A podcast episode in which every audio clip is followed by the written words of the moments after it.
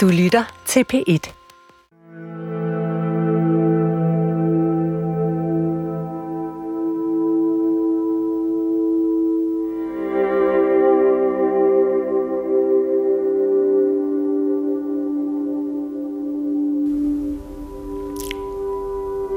Ja, jeg vil jo selvfølgelig helst gøre det hurtigt. Øhm, for eksempel sådan en prop, der fejrer benene væk under en. Det er jo sådan en hurtig død, ligesom en henrettelse indenfra. Altså en vild smerte et ganske lille øjeblik, og så er man der ikke mere. Men øh, det kan godt være, at det for det nærmeste er brutalt. Det er nok en lidt egoistisk død. Og så vil jeg selvfølgelig også gerne være et pænt lig. At så øh, ikke se alt for forfærdeligt ud, sådan som man er skræmmende. Men det bestemmer man jo ikke selv.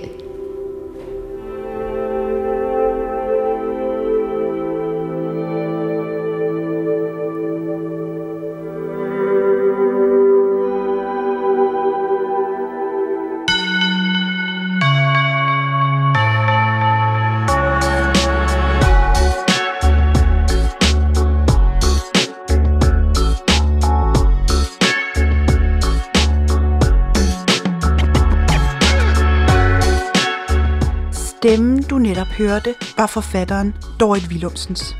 Og sådan sagde hun til mig, da jeg for 12 år siden interviewede hende om det noget dystre emne døden. Hun var, som I måske kan høre, ganske usentimental og slet ikke bange. Det betog mig meget. Dengang var hun bare 69 år og i færd med at skrive sine erindringer. Sammen med Dorit Willumsens mand, digteren Jes Ørnsbo, besøgte vi syv kirkegård, som ligger ved Viby midt på Sjælland. For her havde de to planlagt at skulle ligge sammen. I dag, 12 år senere, er Jes Ørnsbo død, men Dorit Willumsen lever i bedste velgående. Hun er 82 år og aktuel med en ny roman, som hedder Tjeneren og hans søster.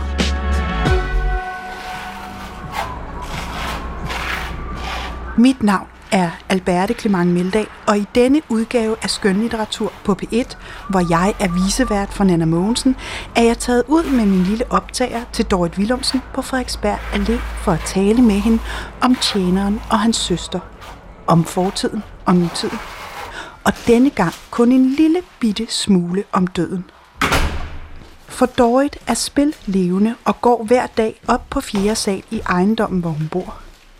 Det er dog kun lidt endnu, for der kommer snart elevator. Åh. Ej. Sig mig engang, Dorit, går du hele vejen herop? Det gør jeg. På dine egne to ben? Ja, min egen to små ben. Hver dag? Åh. Så holder du dig i god form. Og det tror jeg, som vi gerne være det. Ja, det tror jeg. Det tror jeg. Tak fordi jeg måtte komme. Og jeg har da glædet mig til at se dig. Må vi gå ind og sætte dig ned? Jeg har taget lyserøde tulipaner med og blødt brød med sukker. Jo, er det søde. Og tillykke med din bog. Tak skal du have. Dorit serverer kaffe med fløde. Vi trænger til det, Dorit. Tror du? Ja, det tror jeg. Vi sætter os i sollyset i hendes stue. Og sikke et smukt forårsvejr, var. Dorit Willumsen taler, ligesom hun skriver. Hun oplever i billeder og fortæller i historier. Og før jeg får set mig om, er hun allerede i gang med at tale om krigen. Den, der er der lige nu, og den, der var engang. Ja, jeg skal jo som sagt sidde lidt tæt på dig. Nu er det jo ikke så meget coronaen mere, nu er det mere russerne, der tror, ikke? Jo, det er det. Og det havde man jo slet ikke regnet med, at der skulle komme krig i Europa. Og øh, lige med det samme, der tænkte man på alle de år med den kolde krig. Og øhm, ja, på børn, der måske så får samme oplevelser, som man selv havde som barn. Og selvfølgelig også dem, der flygter. Mennesker, der må forlade deres hjem med deres børn og hunde og katte.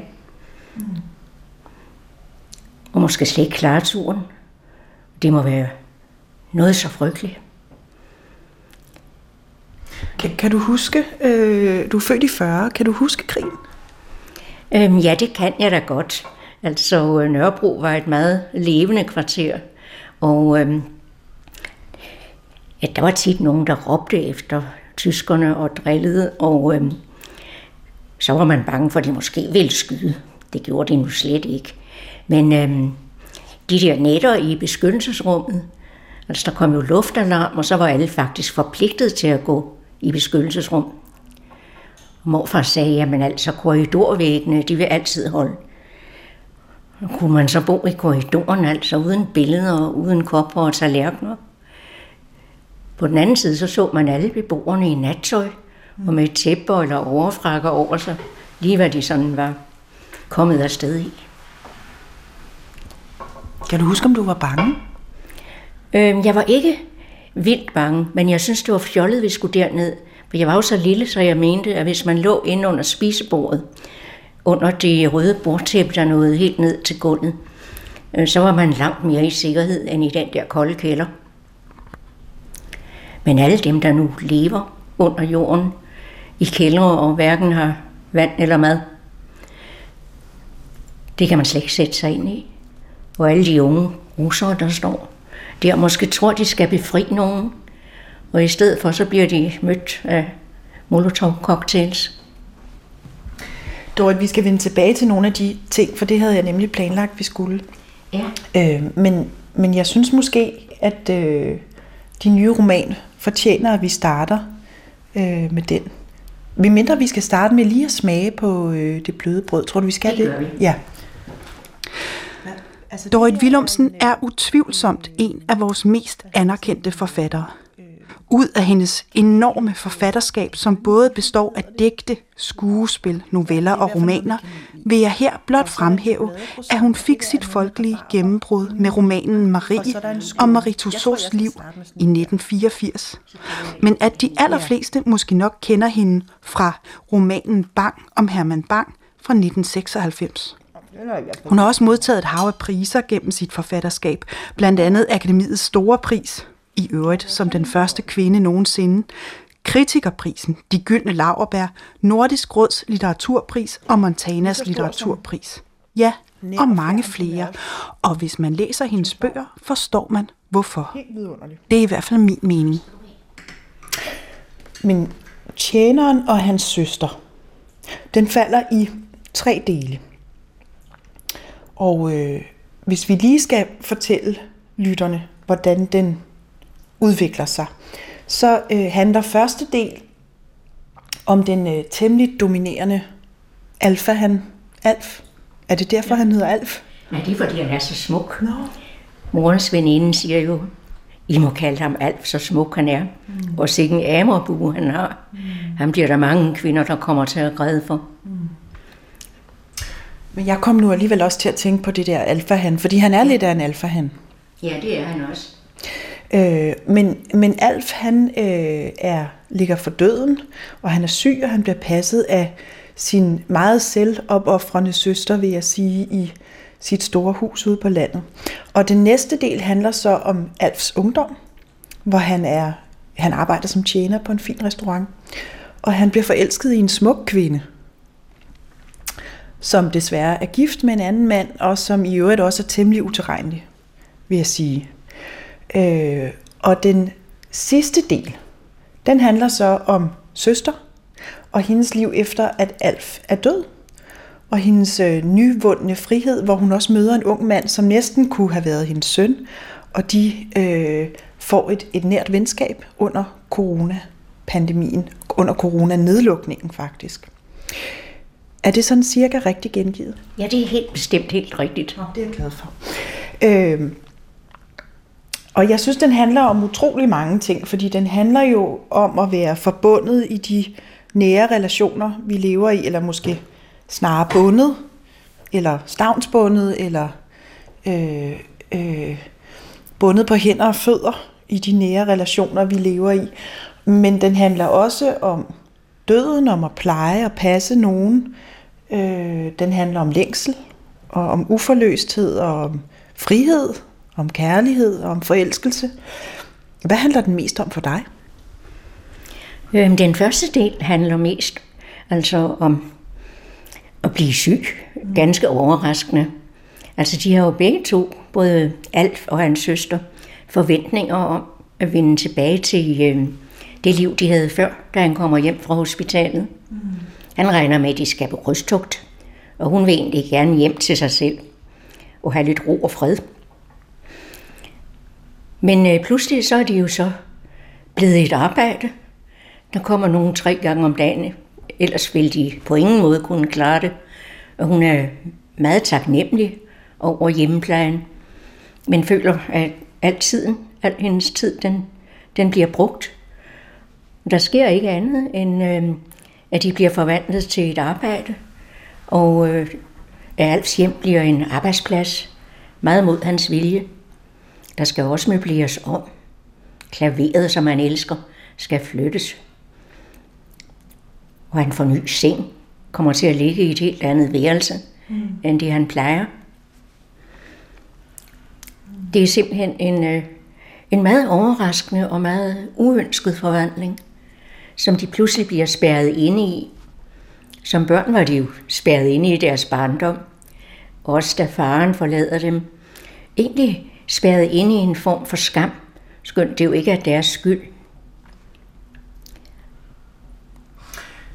Jeg tænker på, om, om du måske lige skulle læse øh, den passage op, fordi jeg synes, den er meget central, der hvor faderen forlader moderen og Alf og hans søster sidder jeg tilbage. Ja, jeg har den her. Øh, Hvor jeg skal også have læsbriller Ja. på. det tager Det må bare. undskylde. Ja, det gør ingenting. Men der er ingen billeder af forældrenes lugte. Morens lette animalske morgenlugt, der lidt efter lidt blev en syrlig nervøs sved, der blev hængende i hendes bluse og sengetøjet. Og faren, der lidenskabeligt gnavede i rå hvidløg og drak norske brystdråber til, lige fra flasken. Kamfer og løg stod ud af hans porer og fik moren til at knibe læberne sammen og demonstrativt holde vejret. Det var en medicinsk kur, sagde han.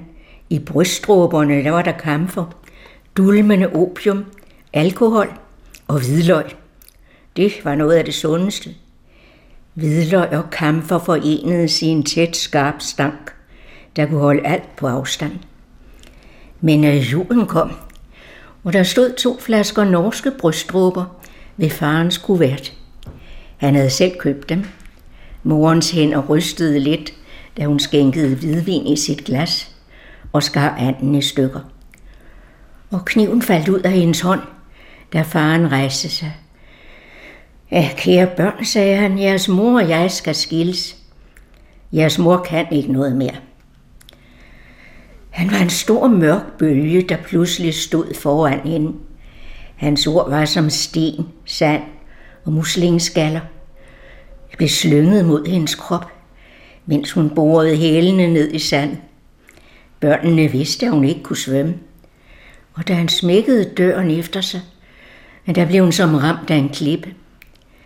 Hun blev siddende med hovedet mellem hænderne, men så rejste hun sig og gik hen til klaveret.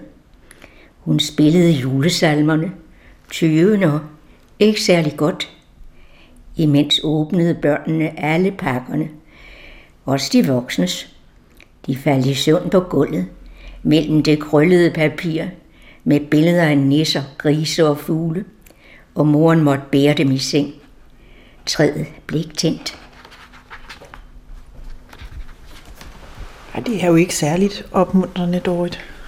Nej, det er det måske ikke, men det kan jo ske. Ja.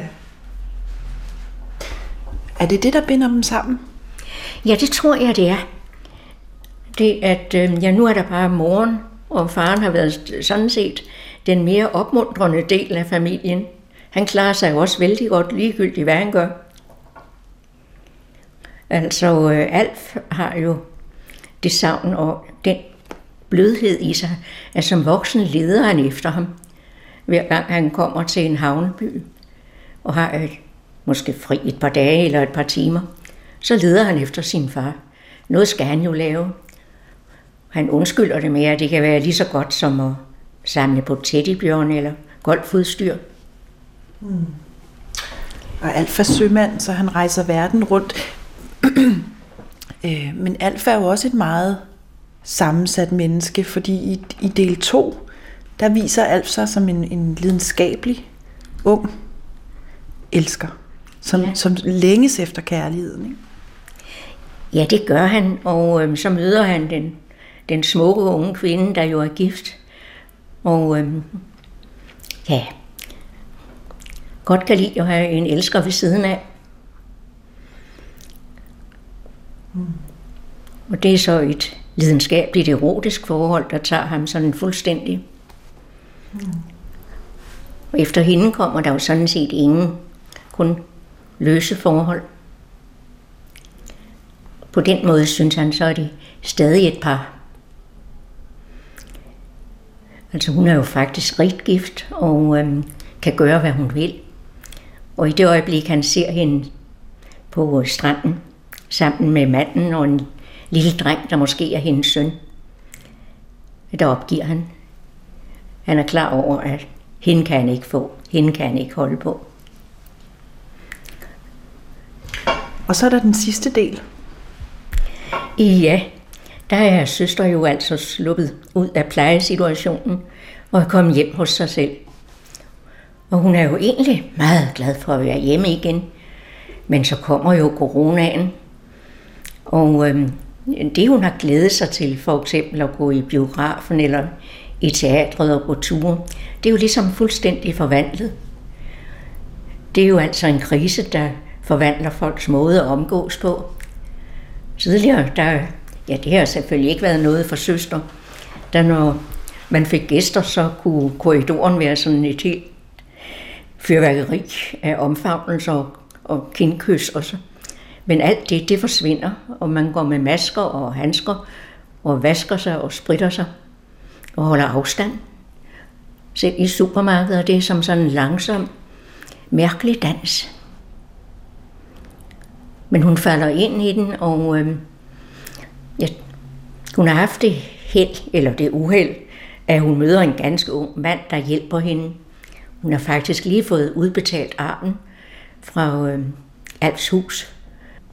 De bliver sådan set en form for venner, da coronaen kommer. Og øh, han tilbyder at købe ind for hende. Han hjælper hende også lidt med hendes computer. Og øh, ja, de sidder hver dag og spiser, og hun kigger og kigger på ham. Kunne han måske være alt søn? Ja, der er noget ved ørerne og den smukke hovedform, de lange arme og de lange ben. Og øhm, ja, han har selvfølgelig hendes kontokort, eller hendes visakort, og han låner sig lidt af hende. Mm. Og han har meget dårlig samvittighed. Det, det tager hun ikke så tungt. Han skulle jo alligevel have penge for alt det, han har gjort for hende. Mm. Hun siger, han siger, du kan angive mig. Og så siger hun, kan vi da ikke bare være venner? Men øh, han er så flov over det, som forholdet egentlig. Øh, ja, det, det fortsætter ikke. Men det gør coronaen jo heldigvis heller ikke. En dag kan hun gå ud igen. Og hun har faktisk helt, helt ubevidst ligesom let efter noget, der kunne være tilbage af brugeren. Bare en, der vil kalde hende søster. Og øhm, da alle restauranterne bliver åbne igen, så kommer hun virkelig ind på en. Og hun er nervøs, hun får en gevaldig hoste, måske et stykke peber. Hun har fået galt i halsen. Og så er der en ung pige, der går helt naturligt hen til barn, poster et glas vand op til hende og giver hende.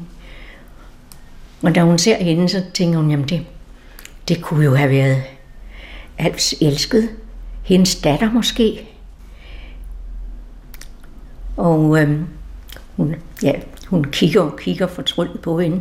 Og da pigen så er gået, så er hun klar over, at ja, hendes liv kunne have været et helt, helt andet. Hun kunne måske også være blevet en falden kvinde. Det ville da være dejligt nemt. Så var der ikke faste kontortider og infiltrationer. Hun falder nærmest lidt i søvn og er lidt beruset, da hun går hjem. Og falder i søvn med, med tøjet på. Og næste dag, der kommer så øh, hendes genbo han er vant til at kigge over til hende, og hun er vant til at kigge over til ham. Og øh, det er jo sådan set også en form for opmærksomhed. Han kommer og siger, jamen, deres gardin, det var jo ikke rullet ned, sådan som sædvanligt. Jeg blev så bekymret. Og så inviterer hun ham ind. Og så siger han, jamen, øh, jeg kender jo ikke engang deres navn. Kald mig søster. Og så finder hun en, der kan fortsætte med at kalde hende søster. Ja, det gør hun jo så. Ja. Men, der, Men, men hvorfor er det vigtigt, Dorit? For øhm, hun har jo ligesom været søster altid. Øhm, hun hedder Vera, Vera Sørensen, mm. og det hedder hun jo på sagførens breve og på kommunens breve. Men øhm, søster, det har hun været i øh, hjemmet, og øhm, altid, når hun har alt for sammen.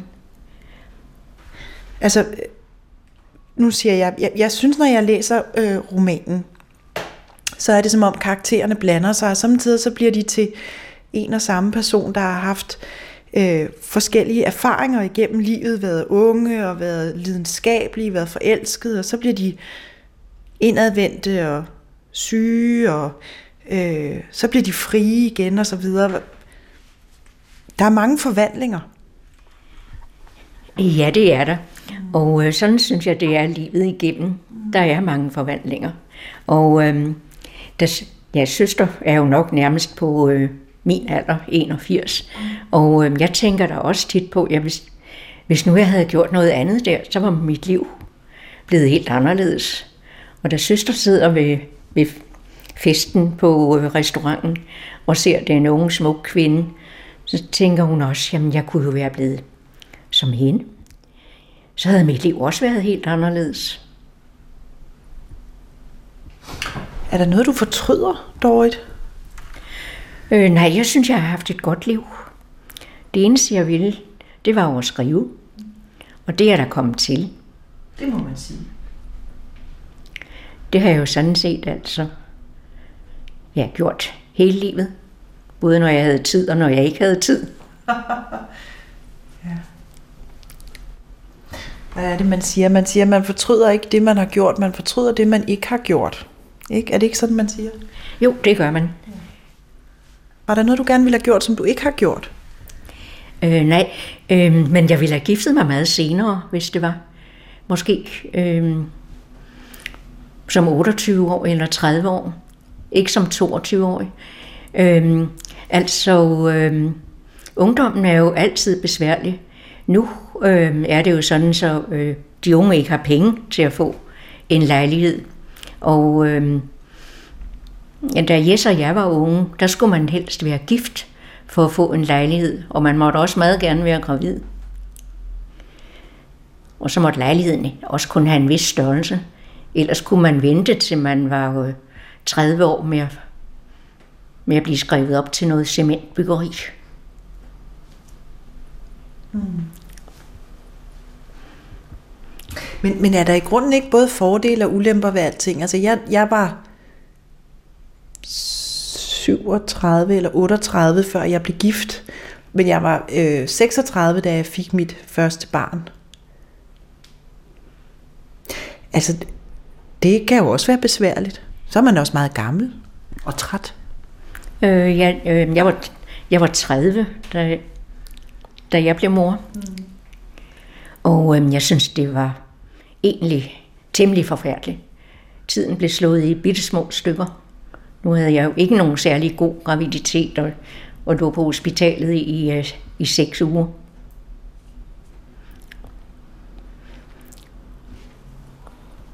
Har du læst nogle af de bøger, der er skrevet i de sidste par år om moderskab? Øh, øh, ja, ja. Øh, det er meget dejligt, mm. At øh, man skriver om det nu på den måde. Er man ikke sådan helt, ja, at man ikke får pligten til lykke. Mm. Altså, øh, da jeg fik barn og hus, og ikke havde nogen kræfter, øh, der, der skulle man jo øh, være lykkelig. Jeg havde jo alt. Og øh, ja, nogen synes, jeg skulle skynde mig at få et barn til. Og øh, min svigermor, jeg håbede da også, at jeg ville holde op med at skrive. Jamen, er der ikke noget i huset, der interesserer dig? Jo, sagde jeg. At sidde deroppe, det var mit arbejdsværelse. Hmm. Jeg var slet ikke, jeg havde ikke kræfter til 10 værelser og en baby. Og ville heller ikke ønske at have haft det. Ja, for du ville noget andet. Ja. Ja.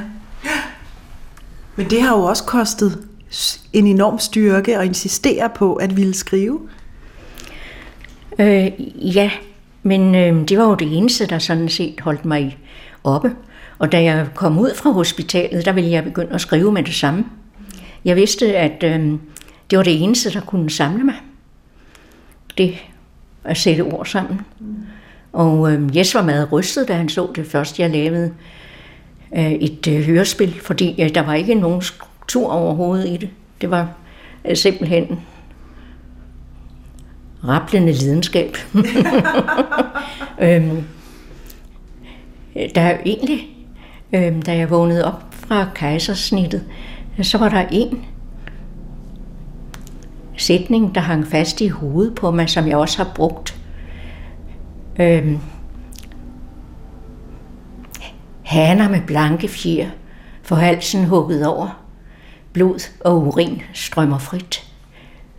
Jeg kan huske, at jeg har brugt det i en novelle et sted. Men det er jo ikke, det er jo ikke ligefrem noget med struktur. Altså, øh, mens min søn var baby, der skrev jeg mine øh, første digte. Og faktisk også et, øh, et digt om, om graviditet og, og hvor meget man holder af barnet. Ja. Samtidig med, at man næsten ikke kan holde det ud. Det er den dobbelthed der, der er så svær at beskrive, men det var måske i virkeligheden en, en god ting at skrive digte, for de er jo korte, frem for ja, at skulle skabe struktur. Det set holdt ja. mig sammen. Frem for... Jeg ved ikke, om jeg kan finde bogen. Ja.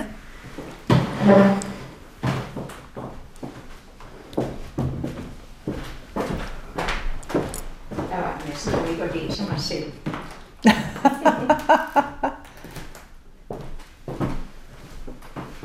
det kan være, du vil læse det op. Det kunne jeg godt prøve på. Ja. Men min far skulle have spillet tennis. Han skulle have svømmet langt ud i et skinnende blåt hav. Han skulle have danset eller onaneret. Han skulle ikke være trængt ind i min mors duftende kød. Han skulle have kastet sin sæd i et andet sted. Et godt sted. Jeg hader mine bryster og min livmoders vugge er blod. En fælde for nyt liv – et snedigt organ, der stadig drømmer om overlistelse.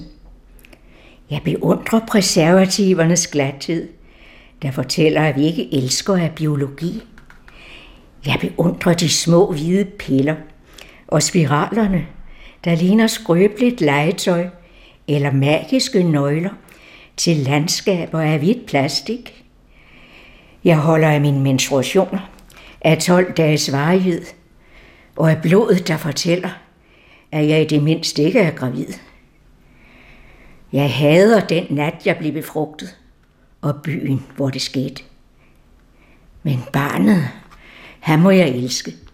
Hans stemme, hans kildenhed, hans varme, tørre hud, hans øjne, der er de blankeste i verden. Og det lille mellemrum i hans fortænder, øh, som om han ganske usynligt spiller på fløjte. For hans skyld håber jeg, at jorden stadig må være smuk, at græsset må være langt, blødt og knitrende, at menneskenes skrøbelige hud må være hel, at der må være valer, giraffer, tiger, hvide elefanter, hundevalpe med tyk blød pels og sæler, der soler sig på klipperne. Og der må være legetøjsbiler af plastik, og solnedgang og solopgang og sejlskibe og is med smag af vanilje og jordbær. Og for hans skyld er jeg bange, bange, bange. Det var meget smukt og præcist om moderskabet. Når, når du læser det i dag, øh, det digt, kan du så stadigvæk genkende de følelser? Ja, altså sådan oplevede jeg det dengang, og sådan husker jeg det egentlig også. Mm. Øhm, der er selvfølgelig også altså, meget lykke ved at have et barn, der så ovenkøbet er blevet voksen og selv har fået børn. Men måske er det den dobbelthed i relationerne, som også går igen i tjeneren og hans søster, altså at de både er utrolig ulykkelige og utrolig lykkelige, eller det, der giver livet fylde. Øh, ja, han er jo i hvert fald meget lykkelig, mens han har forholdet til, mm. til den unge gifte kvinde. Mm. Men han tør jo ikke holde fast i det. Mm. Er det, er det i, på en måde det samme liv? Ja, altså øhm, jeg synes faktisk, at det er forskellige liv, jeg også har levet. Mm. Egentlig ikke som sådan lige, lige en glat snor. Der sker altid noget, der øhm, kan ændre ens liv. Lige fra begyndelsen. Hvordan? Øhm, ja, jeg var jo ganske lille, da mine forældre rejste til Tyskland for at min far kunne blive uddannet operasanger, og det blev han også. Og øhm, ja, jeg ville jo have været en klods om benet for dem at tage med til Berlin. Og øhm, så blev jeg en klods om benet for min mormor. Jeg var jo faktisk egentlig øh, opdraget til længsel på den måde. Det var nu meget forskelligt. Altså i de første 12 år af mit liv, der regnede min mor med, at min far ville komme tilbage, og så skulle vi flytte ud i den store lejlighed, der stod stadig. Øhm, helt med alt hendes udstyr. Og øhm, være en øhm, almindelig familie der. Men øhm, min mormor havde en noget anden opfattelse. Hun sagde altså, når du bliver stor nok til at forstå, så skal jeg lære dig at have din far. Mm. Øhm, for hende var han en, der havde ødelagt min mors liv fuldstændig. Sådan tror jeg ikke, at han selv følte det. Jeg ved ikke, om min mor følte det. Hun giftede sig så altså pludselig helt hovedkuls med, med en mand, øhm, der, der mente det godt, tror jeg, men det var helt, helt forskelligt. Og min søster som mit liv blev også ganske anderledes. Jeg havde været med i det kongelige teater og set ballet, fra jeg var ganske lille, og det elskede jeg. Men øhm, så var det pludselig kun skolescenen, og øhm, ballet måtte jeg heller ikke gå til mere. Fordi jeg ville ikke gå til pardans, fordi på grund af min ringe højde, så når der endelig kom en, der ville danse med mig, og jeg så rejste mig, så siger han, ej, du må undskylde, jeg troede, du var højere. Nå. Undskyld, sagde jeg, det er jeg ikke. Og så satte jeg mig ned igen. Hmm. Nu siger du, at der kan blive ved med at komme forvandlinger. Er der blevet ved med at komme forvandlinger op igennem dit voksne liv også? Ja, det synes jeg egentlig, der er. Mm. Altså øhm, ægteskab og øh, barn, og faktisk også øh, sygdom, og øh, så er vi alene igen.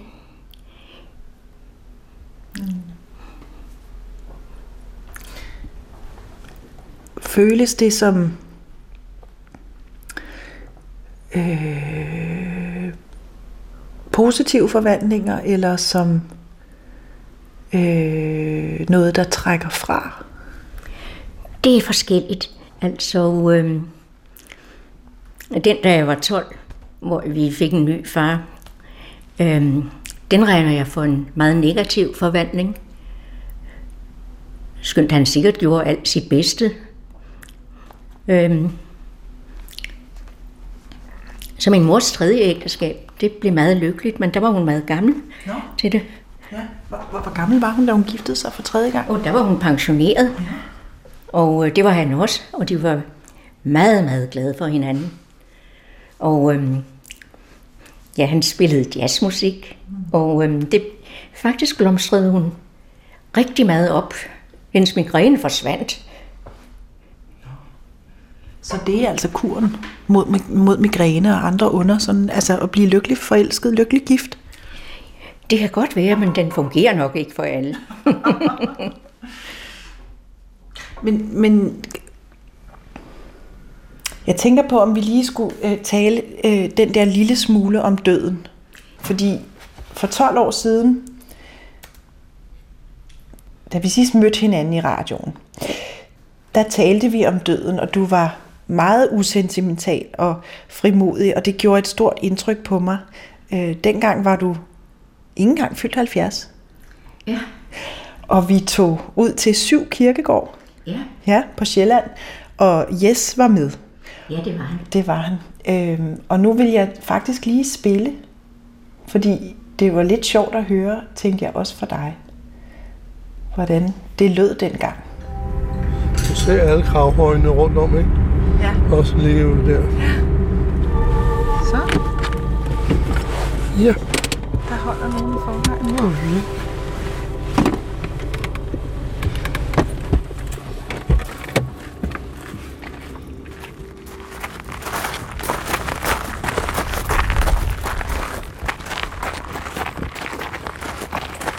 Altså, det er jo en meget flot kirke. Den er statlig. Og ja, så ligger der jo mange tidligere ældre Viby-borgere. Kommer du her tit? Nej, det gør jeg slet, slet ikke. Jeg tror, det er over dag siden, jeg har været her. Fordi man skal jo med bil hertil. Det her, det er jo så vores familiegravsted. Der ligger min mor allerede, ikke? Der, vi har lidt problemer med det, fordi, hvad nu det hedder, vi har meget dårligt naboskab her. Der ligger den såkaldte lommepisser. Nå, hvad vil det sige? Mm, Ja, det foregik jo nede på krogen, men altså yderst sympatisk øh, tømmer stod med ham, øh, Niels Viggo. Og så ved jeg ikke, hvordan de må være kommet ind på det, men der var i hvert fald det, at det med den der gamle øh, øh, leg, øh, kan du holde masken, hvis jeg pisser dig i lommen? Og han gjorde det. Så siden den tid har han jo kun heddet lommepisseren, ikke? Og det er jeres nabo? Ja, og så har jeg sagt til Dorte, jeg vil sgu ikke ligge ved siden og sådan en og en bæ- pisk fuld af det. Så siger Dorte, jamen så tager jeg bare min regnfrak på, så skal jeg nok ligge der. Eller også en paraply, så kan jeg ligge i den lille sorte med paraply. Ja. Er det det, du skal have på? Ja, det tror jeg bestemt. Mm. Jeg har sort tøj både til sommer og vinter. Ja, jeg har også andre farver. Men den lille sorte vil være passende.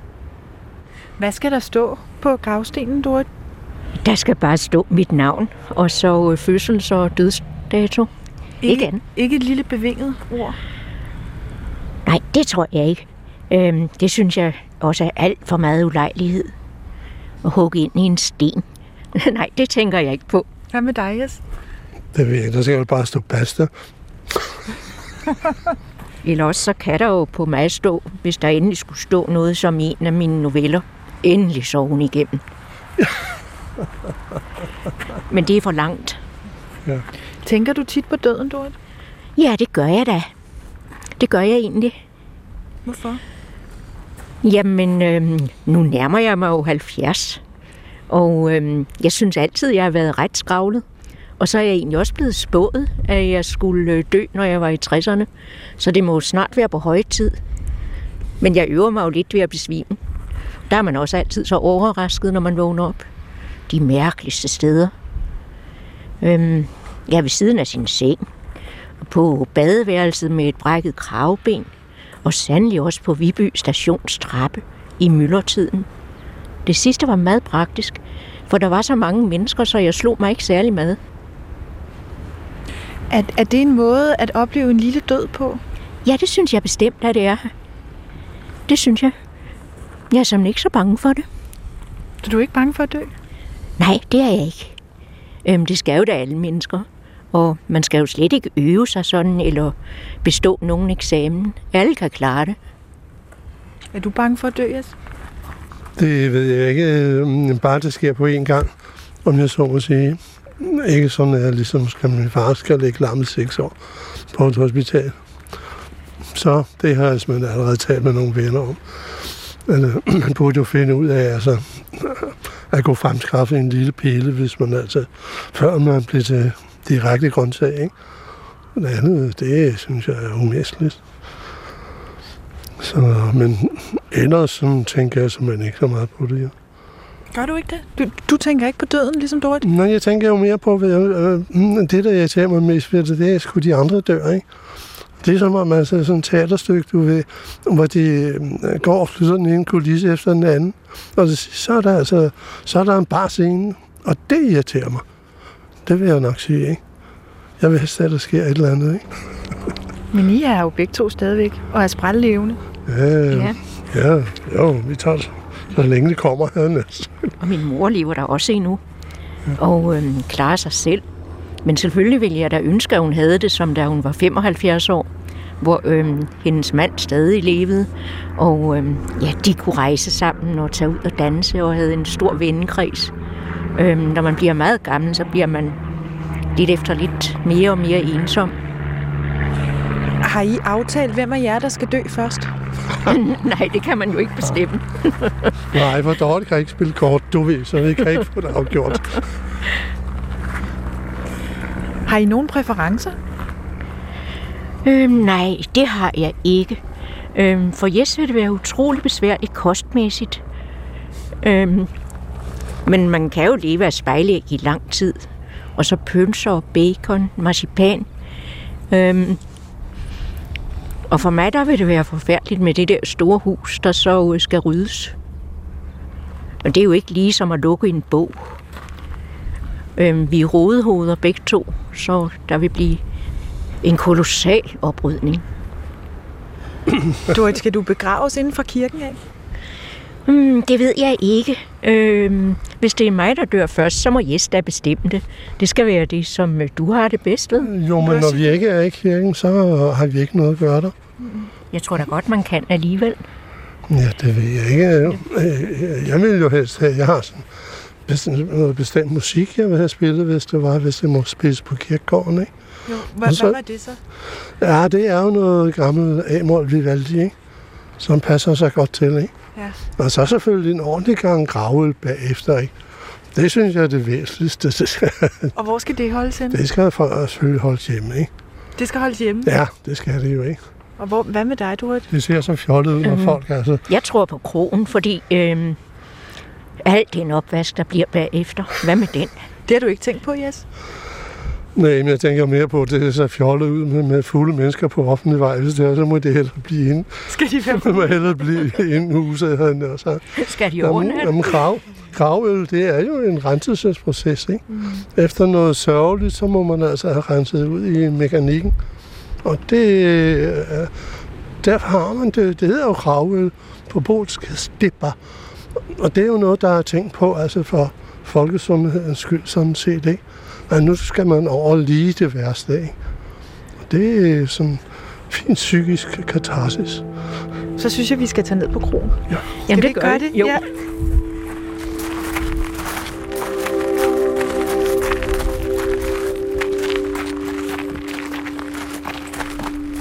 Hvordan er det at høre det, Dort?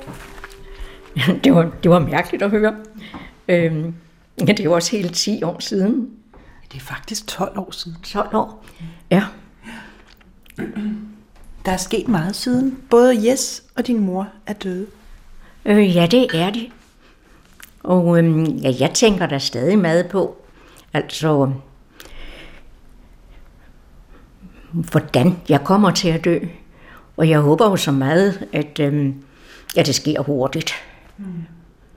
Det med, som med, med Jes far og ligge i mange, mange år på et hospital, det vil være så forfærdeligt. Det er det, jeg er allermest bange for.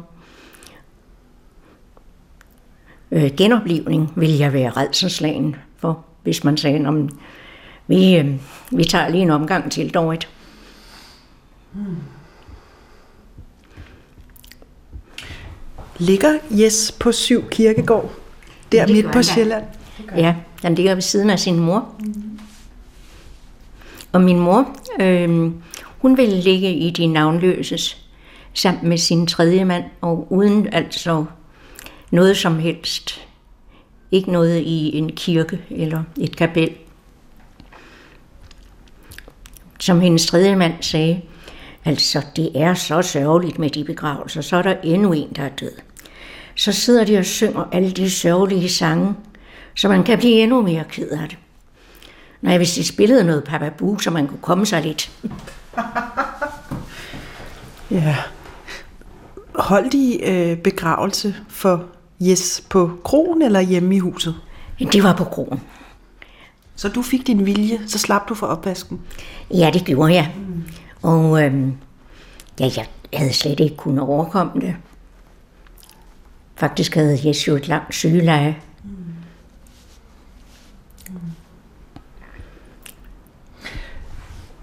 Men dengang fortalte du mig også, at du havde nogle gode drømme om døden, hvor, hvor døden ikke var hverken uhyggelig eller øh, sørgelig. Har du stadig det?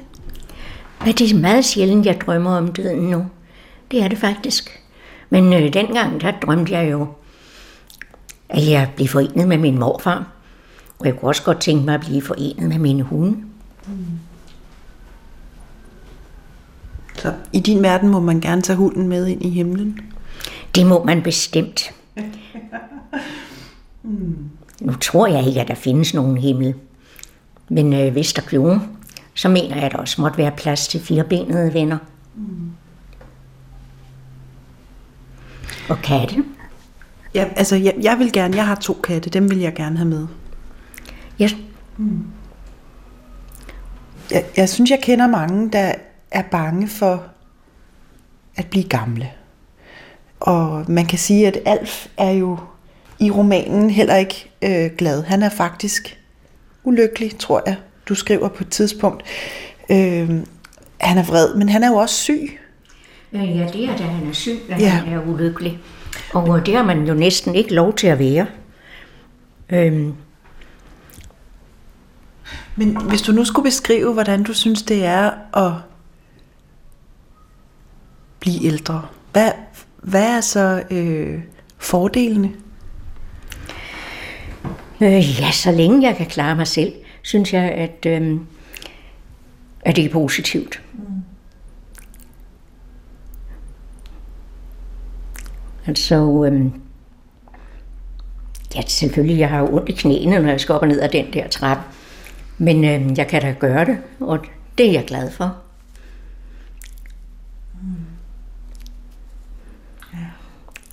Altså, jeg er ret god til at være alene. Jeg har faktisk drømt om det lige fra barn, da jeg så, at vi havde et pulterkammer i samrende koldt. Alt, alt var jo koldt under krigen, ligesom under oliekrisen. Øhm, så sagde jeg, mormor, kunne det ikke blive mit værelse?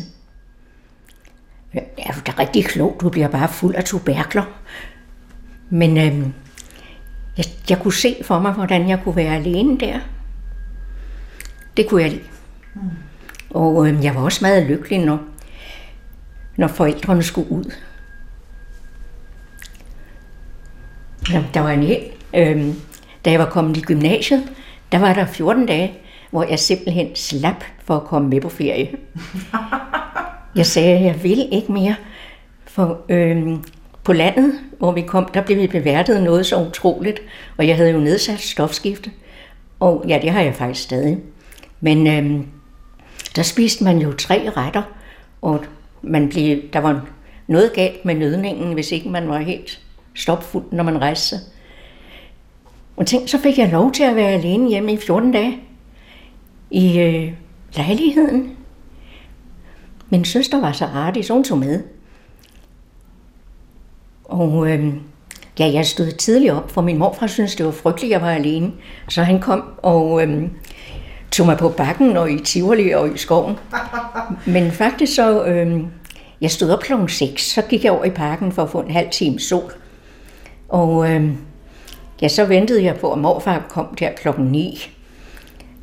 Og så om aftenen, der skrev jeg på et skuespil til det kongelige teater om Ludvig den 14. Og øh, jeg havde også skrevet noveller, som jeg havde sendt til hjemmet og familiejournalen. Det var de steder, jeg havde læst ordene. Og øh, Ja, de kom jo tilbage igen som veldresserede brevduer. Men øh, jeg, jeg nød at være alene. Hvor gammel var du der? Da har jeg været 15-16 år. Jeg var 15. Men jeg kunne godt klare at bo alene. Det eneste, jeg gjorde forkert, det var, at jeg overvandede min mors potteplanter. Jeg havde lovet at passe dem. Og så ville jeg gøre mit bedste og tog dem ud på badeværelset og gav dem et rosebad. Det kunne de ikke. Nej, de blev ikke rigtige vandplanter. Så du fik tid til at være alene og tid til at skrive. Og det, det gjorde du allerede dengang. Ja, det gjorde jeg. Jeg har faktisk skrevet øhm, lige fra, at jeg kunne sætte ord sammen, og øhm, ja, hvis, hvis jeg oplevede noget, eller noget gik mig imod, så skrev jeg. Bare jeg havde et stykke papir og en blyant. Vi havde en kattekilling, der løb væk, og øhm,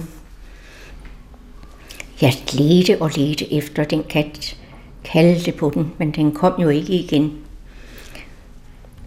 Og øhm, i det øjeblik, jeg helt havde opgivet det, så satte jeg mig ned og skrev hele kattens liv igennem på vers, og øhm, med tegninger til. Og jeg lod det slutte lykkeligt for den.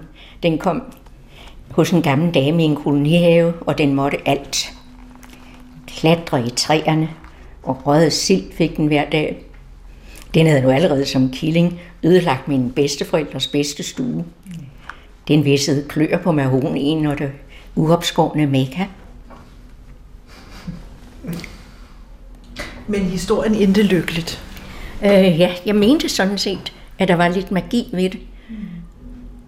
Og min mor, hun udtalte ordet forfatterinde. Hun sagde, gav videre, om hun skulle blive forfatterinde engang.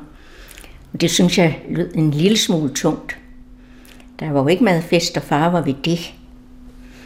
Senere har jeg så opgivet det med, med magien ved de lykkelige slutninger. Ja. Det, det tror jeg nok, man må sige. Der, der, der, der, der er ikke meget lykkelig udgang. Øh, bortset fra, at hun bliver kaldt søster, så det er jo ikke sådan på den måde en dans på roser hele vejen igennem romanen. Det er det ikke. Det er ikke sådan nogen rigtig lykkelig roman. Nej. Feel good, tror jeg, det hedder, ikke? Jo, Det er der ikke meget af. Altså, når jeg læser romanen, så bliver jeg tjeneren og hans søster, så bliver jeg optaget af, hvordan det er at se ud igennem dine øjne. Med, altså at være over 80 og se på verden gennem dine øjne. Øhm, og øh, og, øh,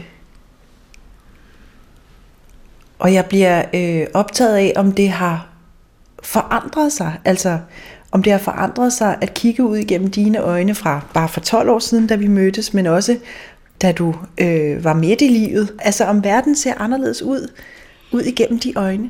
Ja, altså på sin vis, så er der jo mere ro.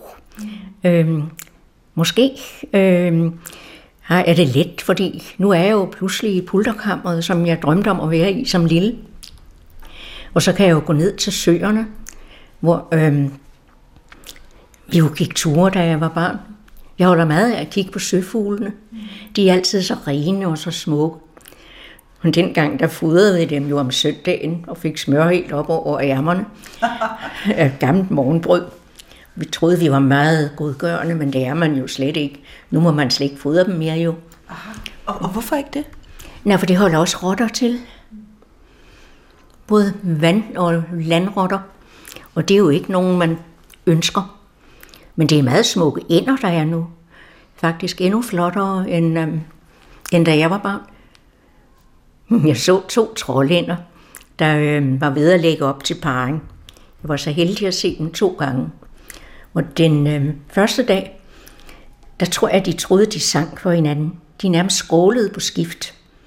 Vidt åbne næb, og den anden forholdt sig stille. Og øh, de skiftede til at gøre det, handen og hunden. Og næste gang, det var ikke dagen efter, men dagen efter igen, der så jeg dem samme sted. Der rystede de på hovedet af hinanden. På skift. Meget voldsomt på de der slanke halse.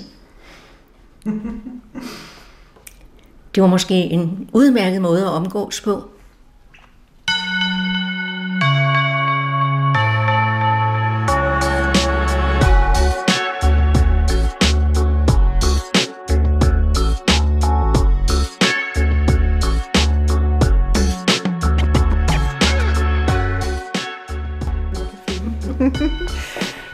Tak for kaffe, og tak for... Måske har Dorit Willumsen ret. Indimellem må vi bare ryste på hovedet af hinanden. Hun har trods alt 80 års erfaring med andre mennesker. Men nu er det tid til at forlade hende i barndommens pulterkammer, så hun igen kan få ro og fred til at skrive.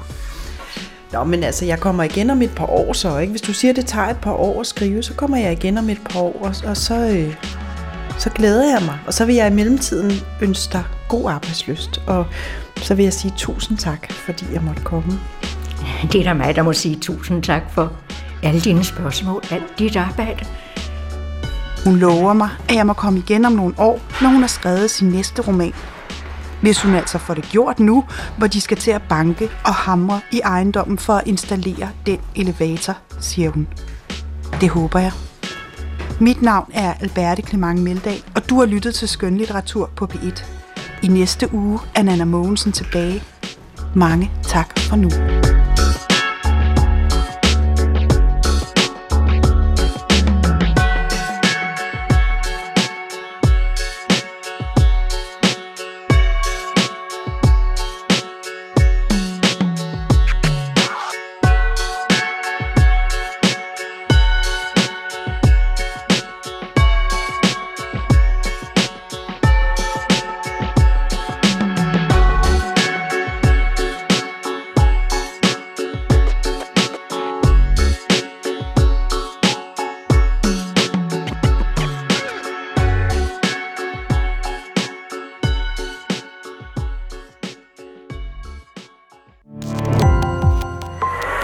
Opdagelse i alle DR's podcast og radioprogrammer. I appen DR Lyd.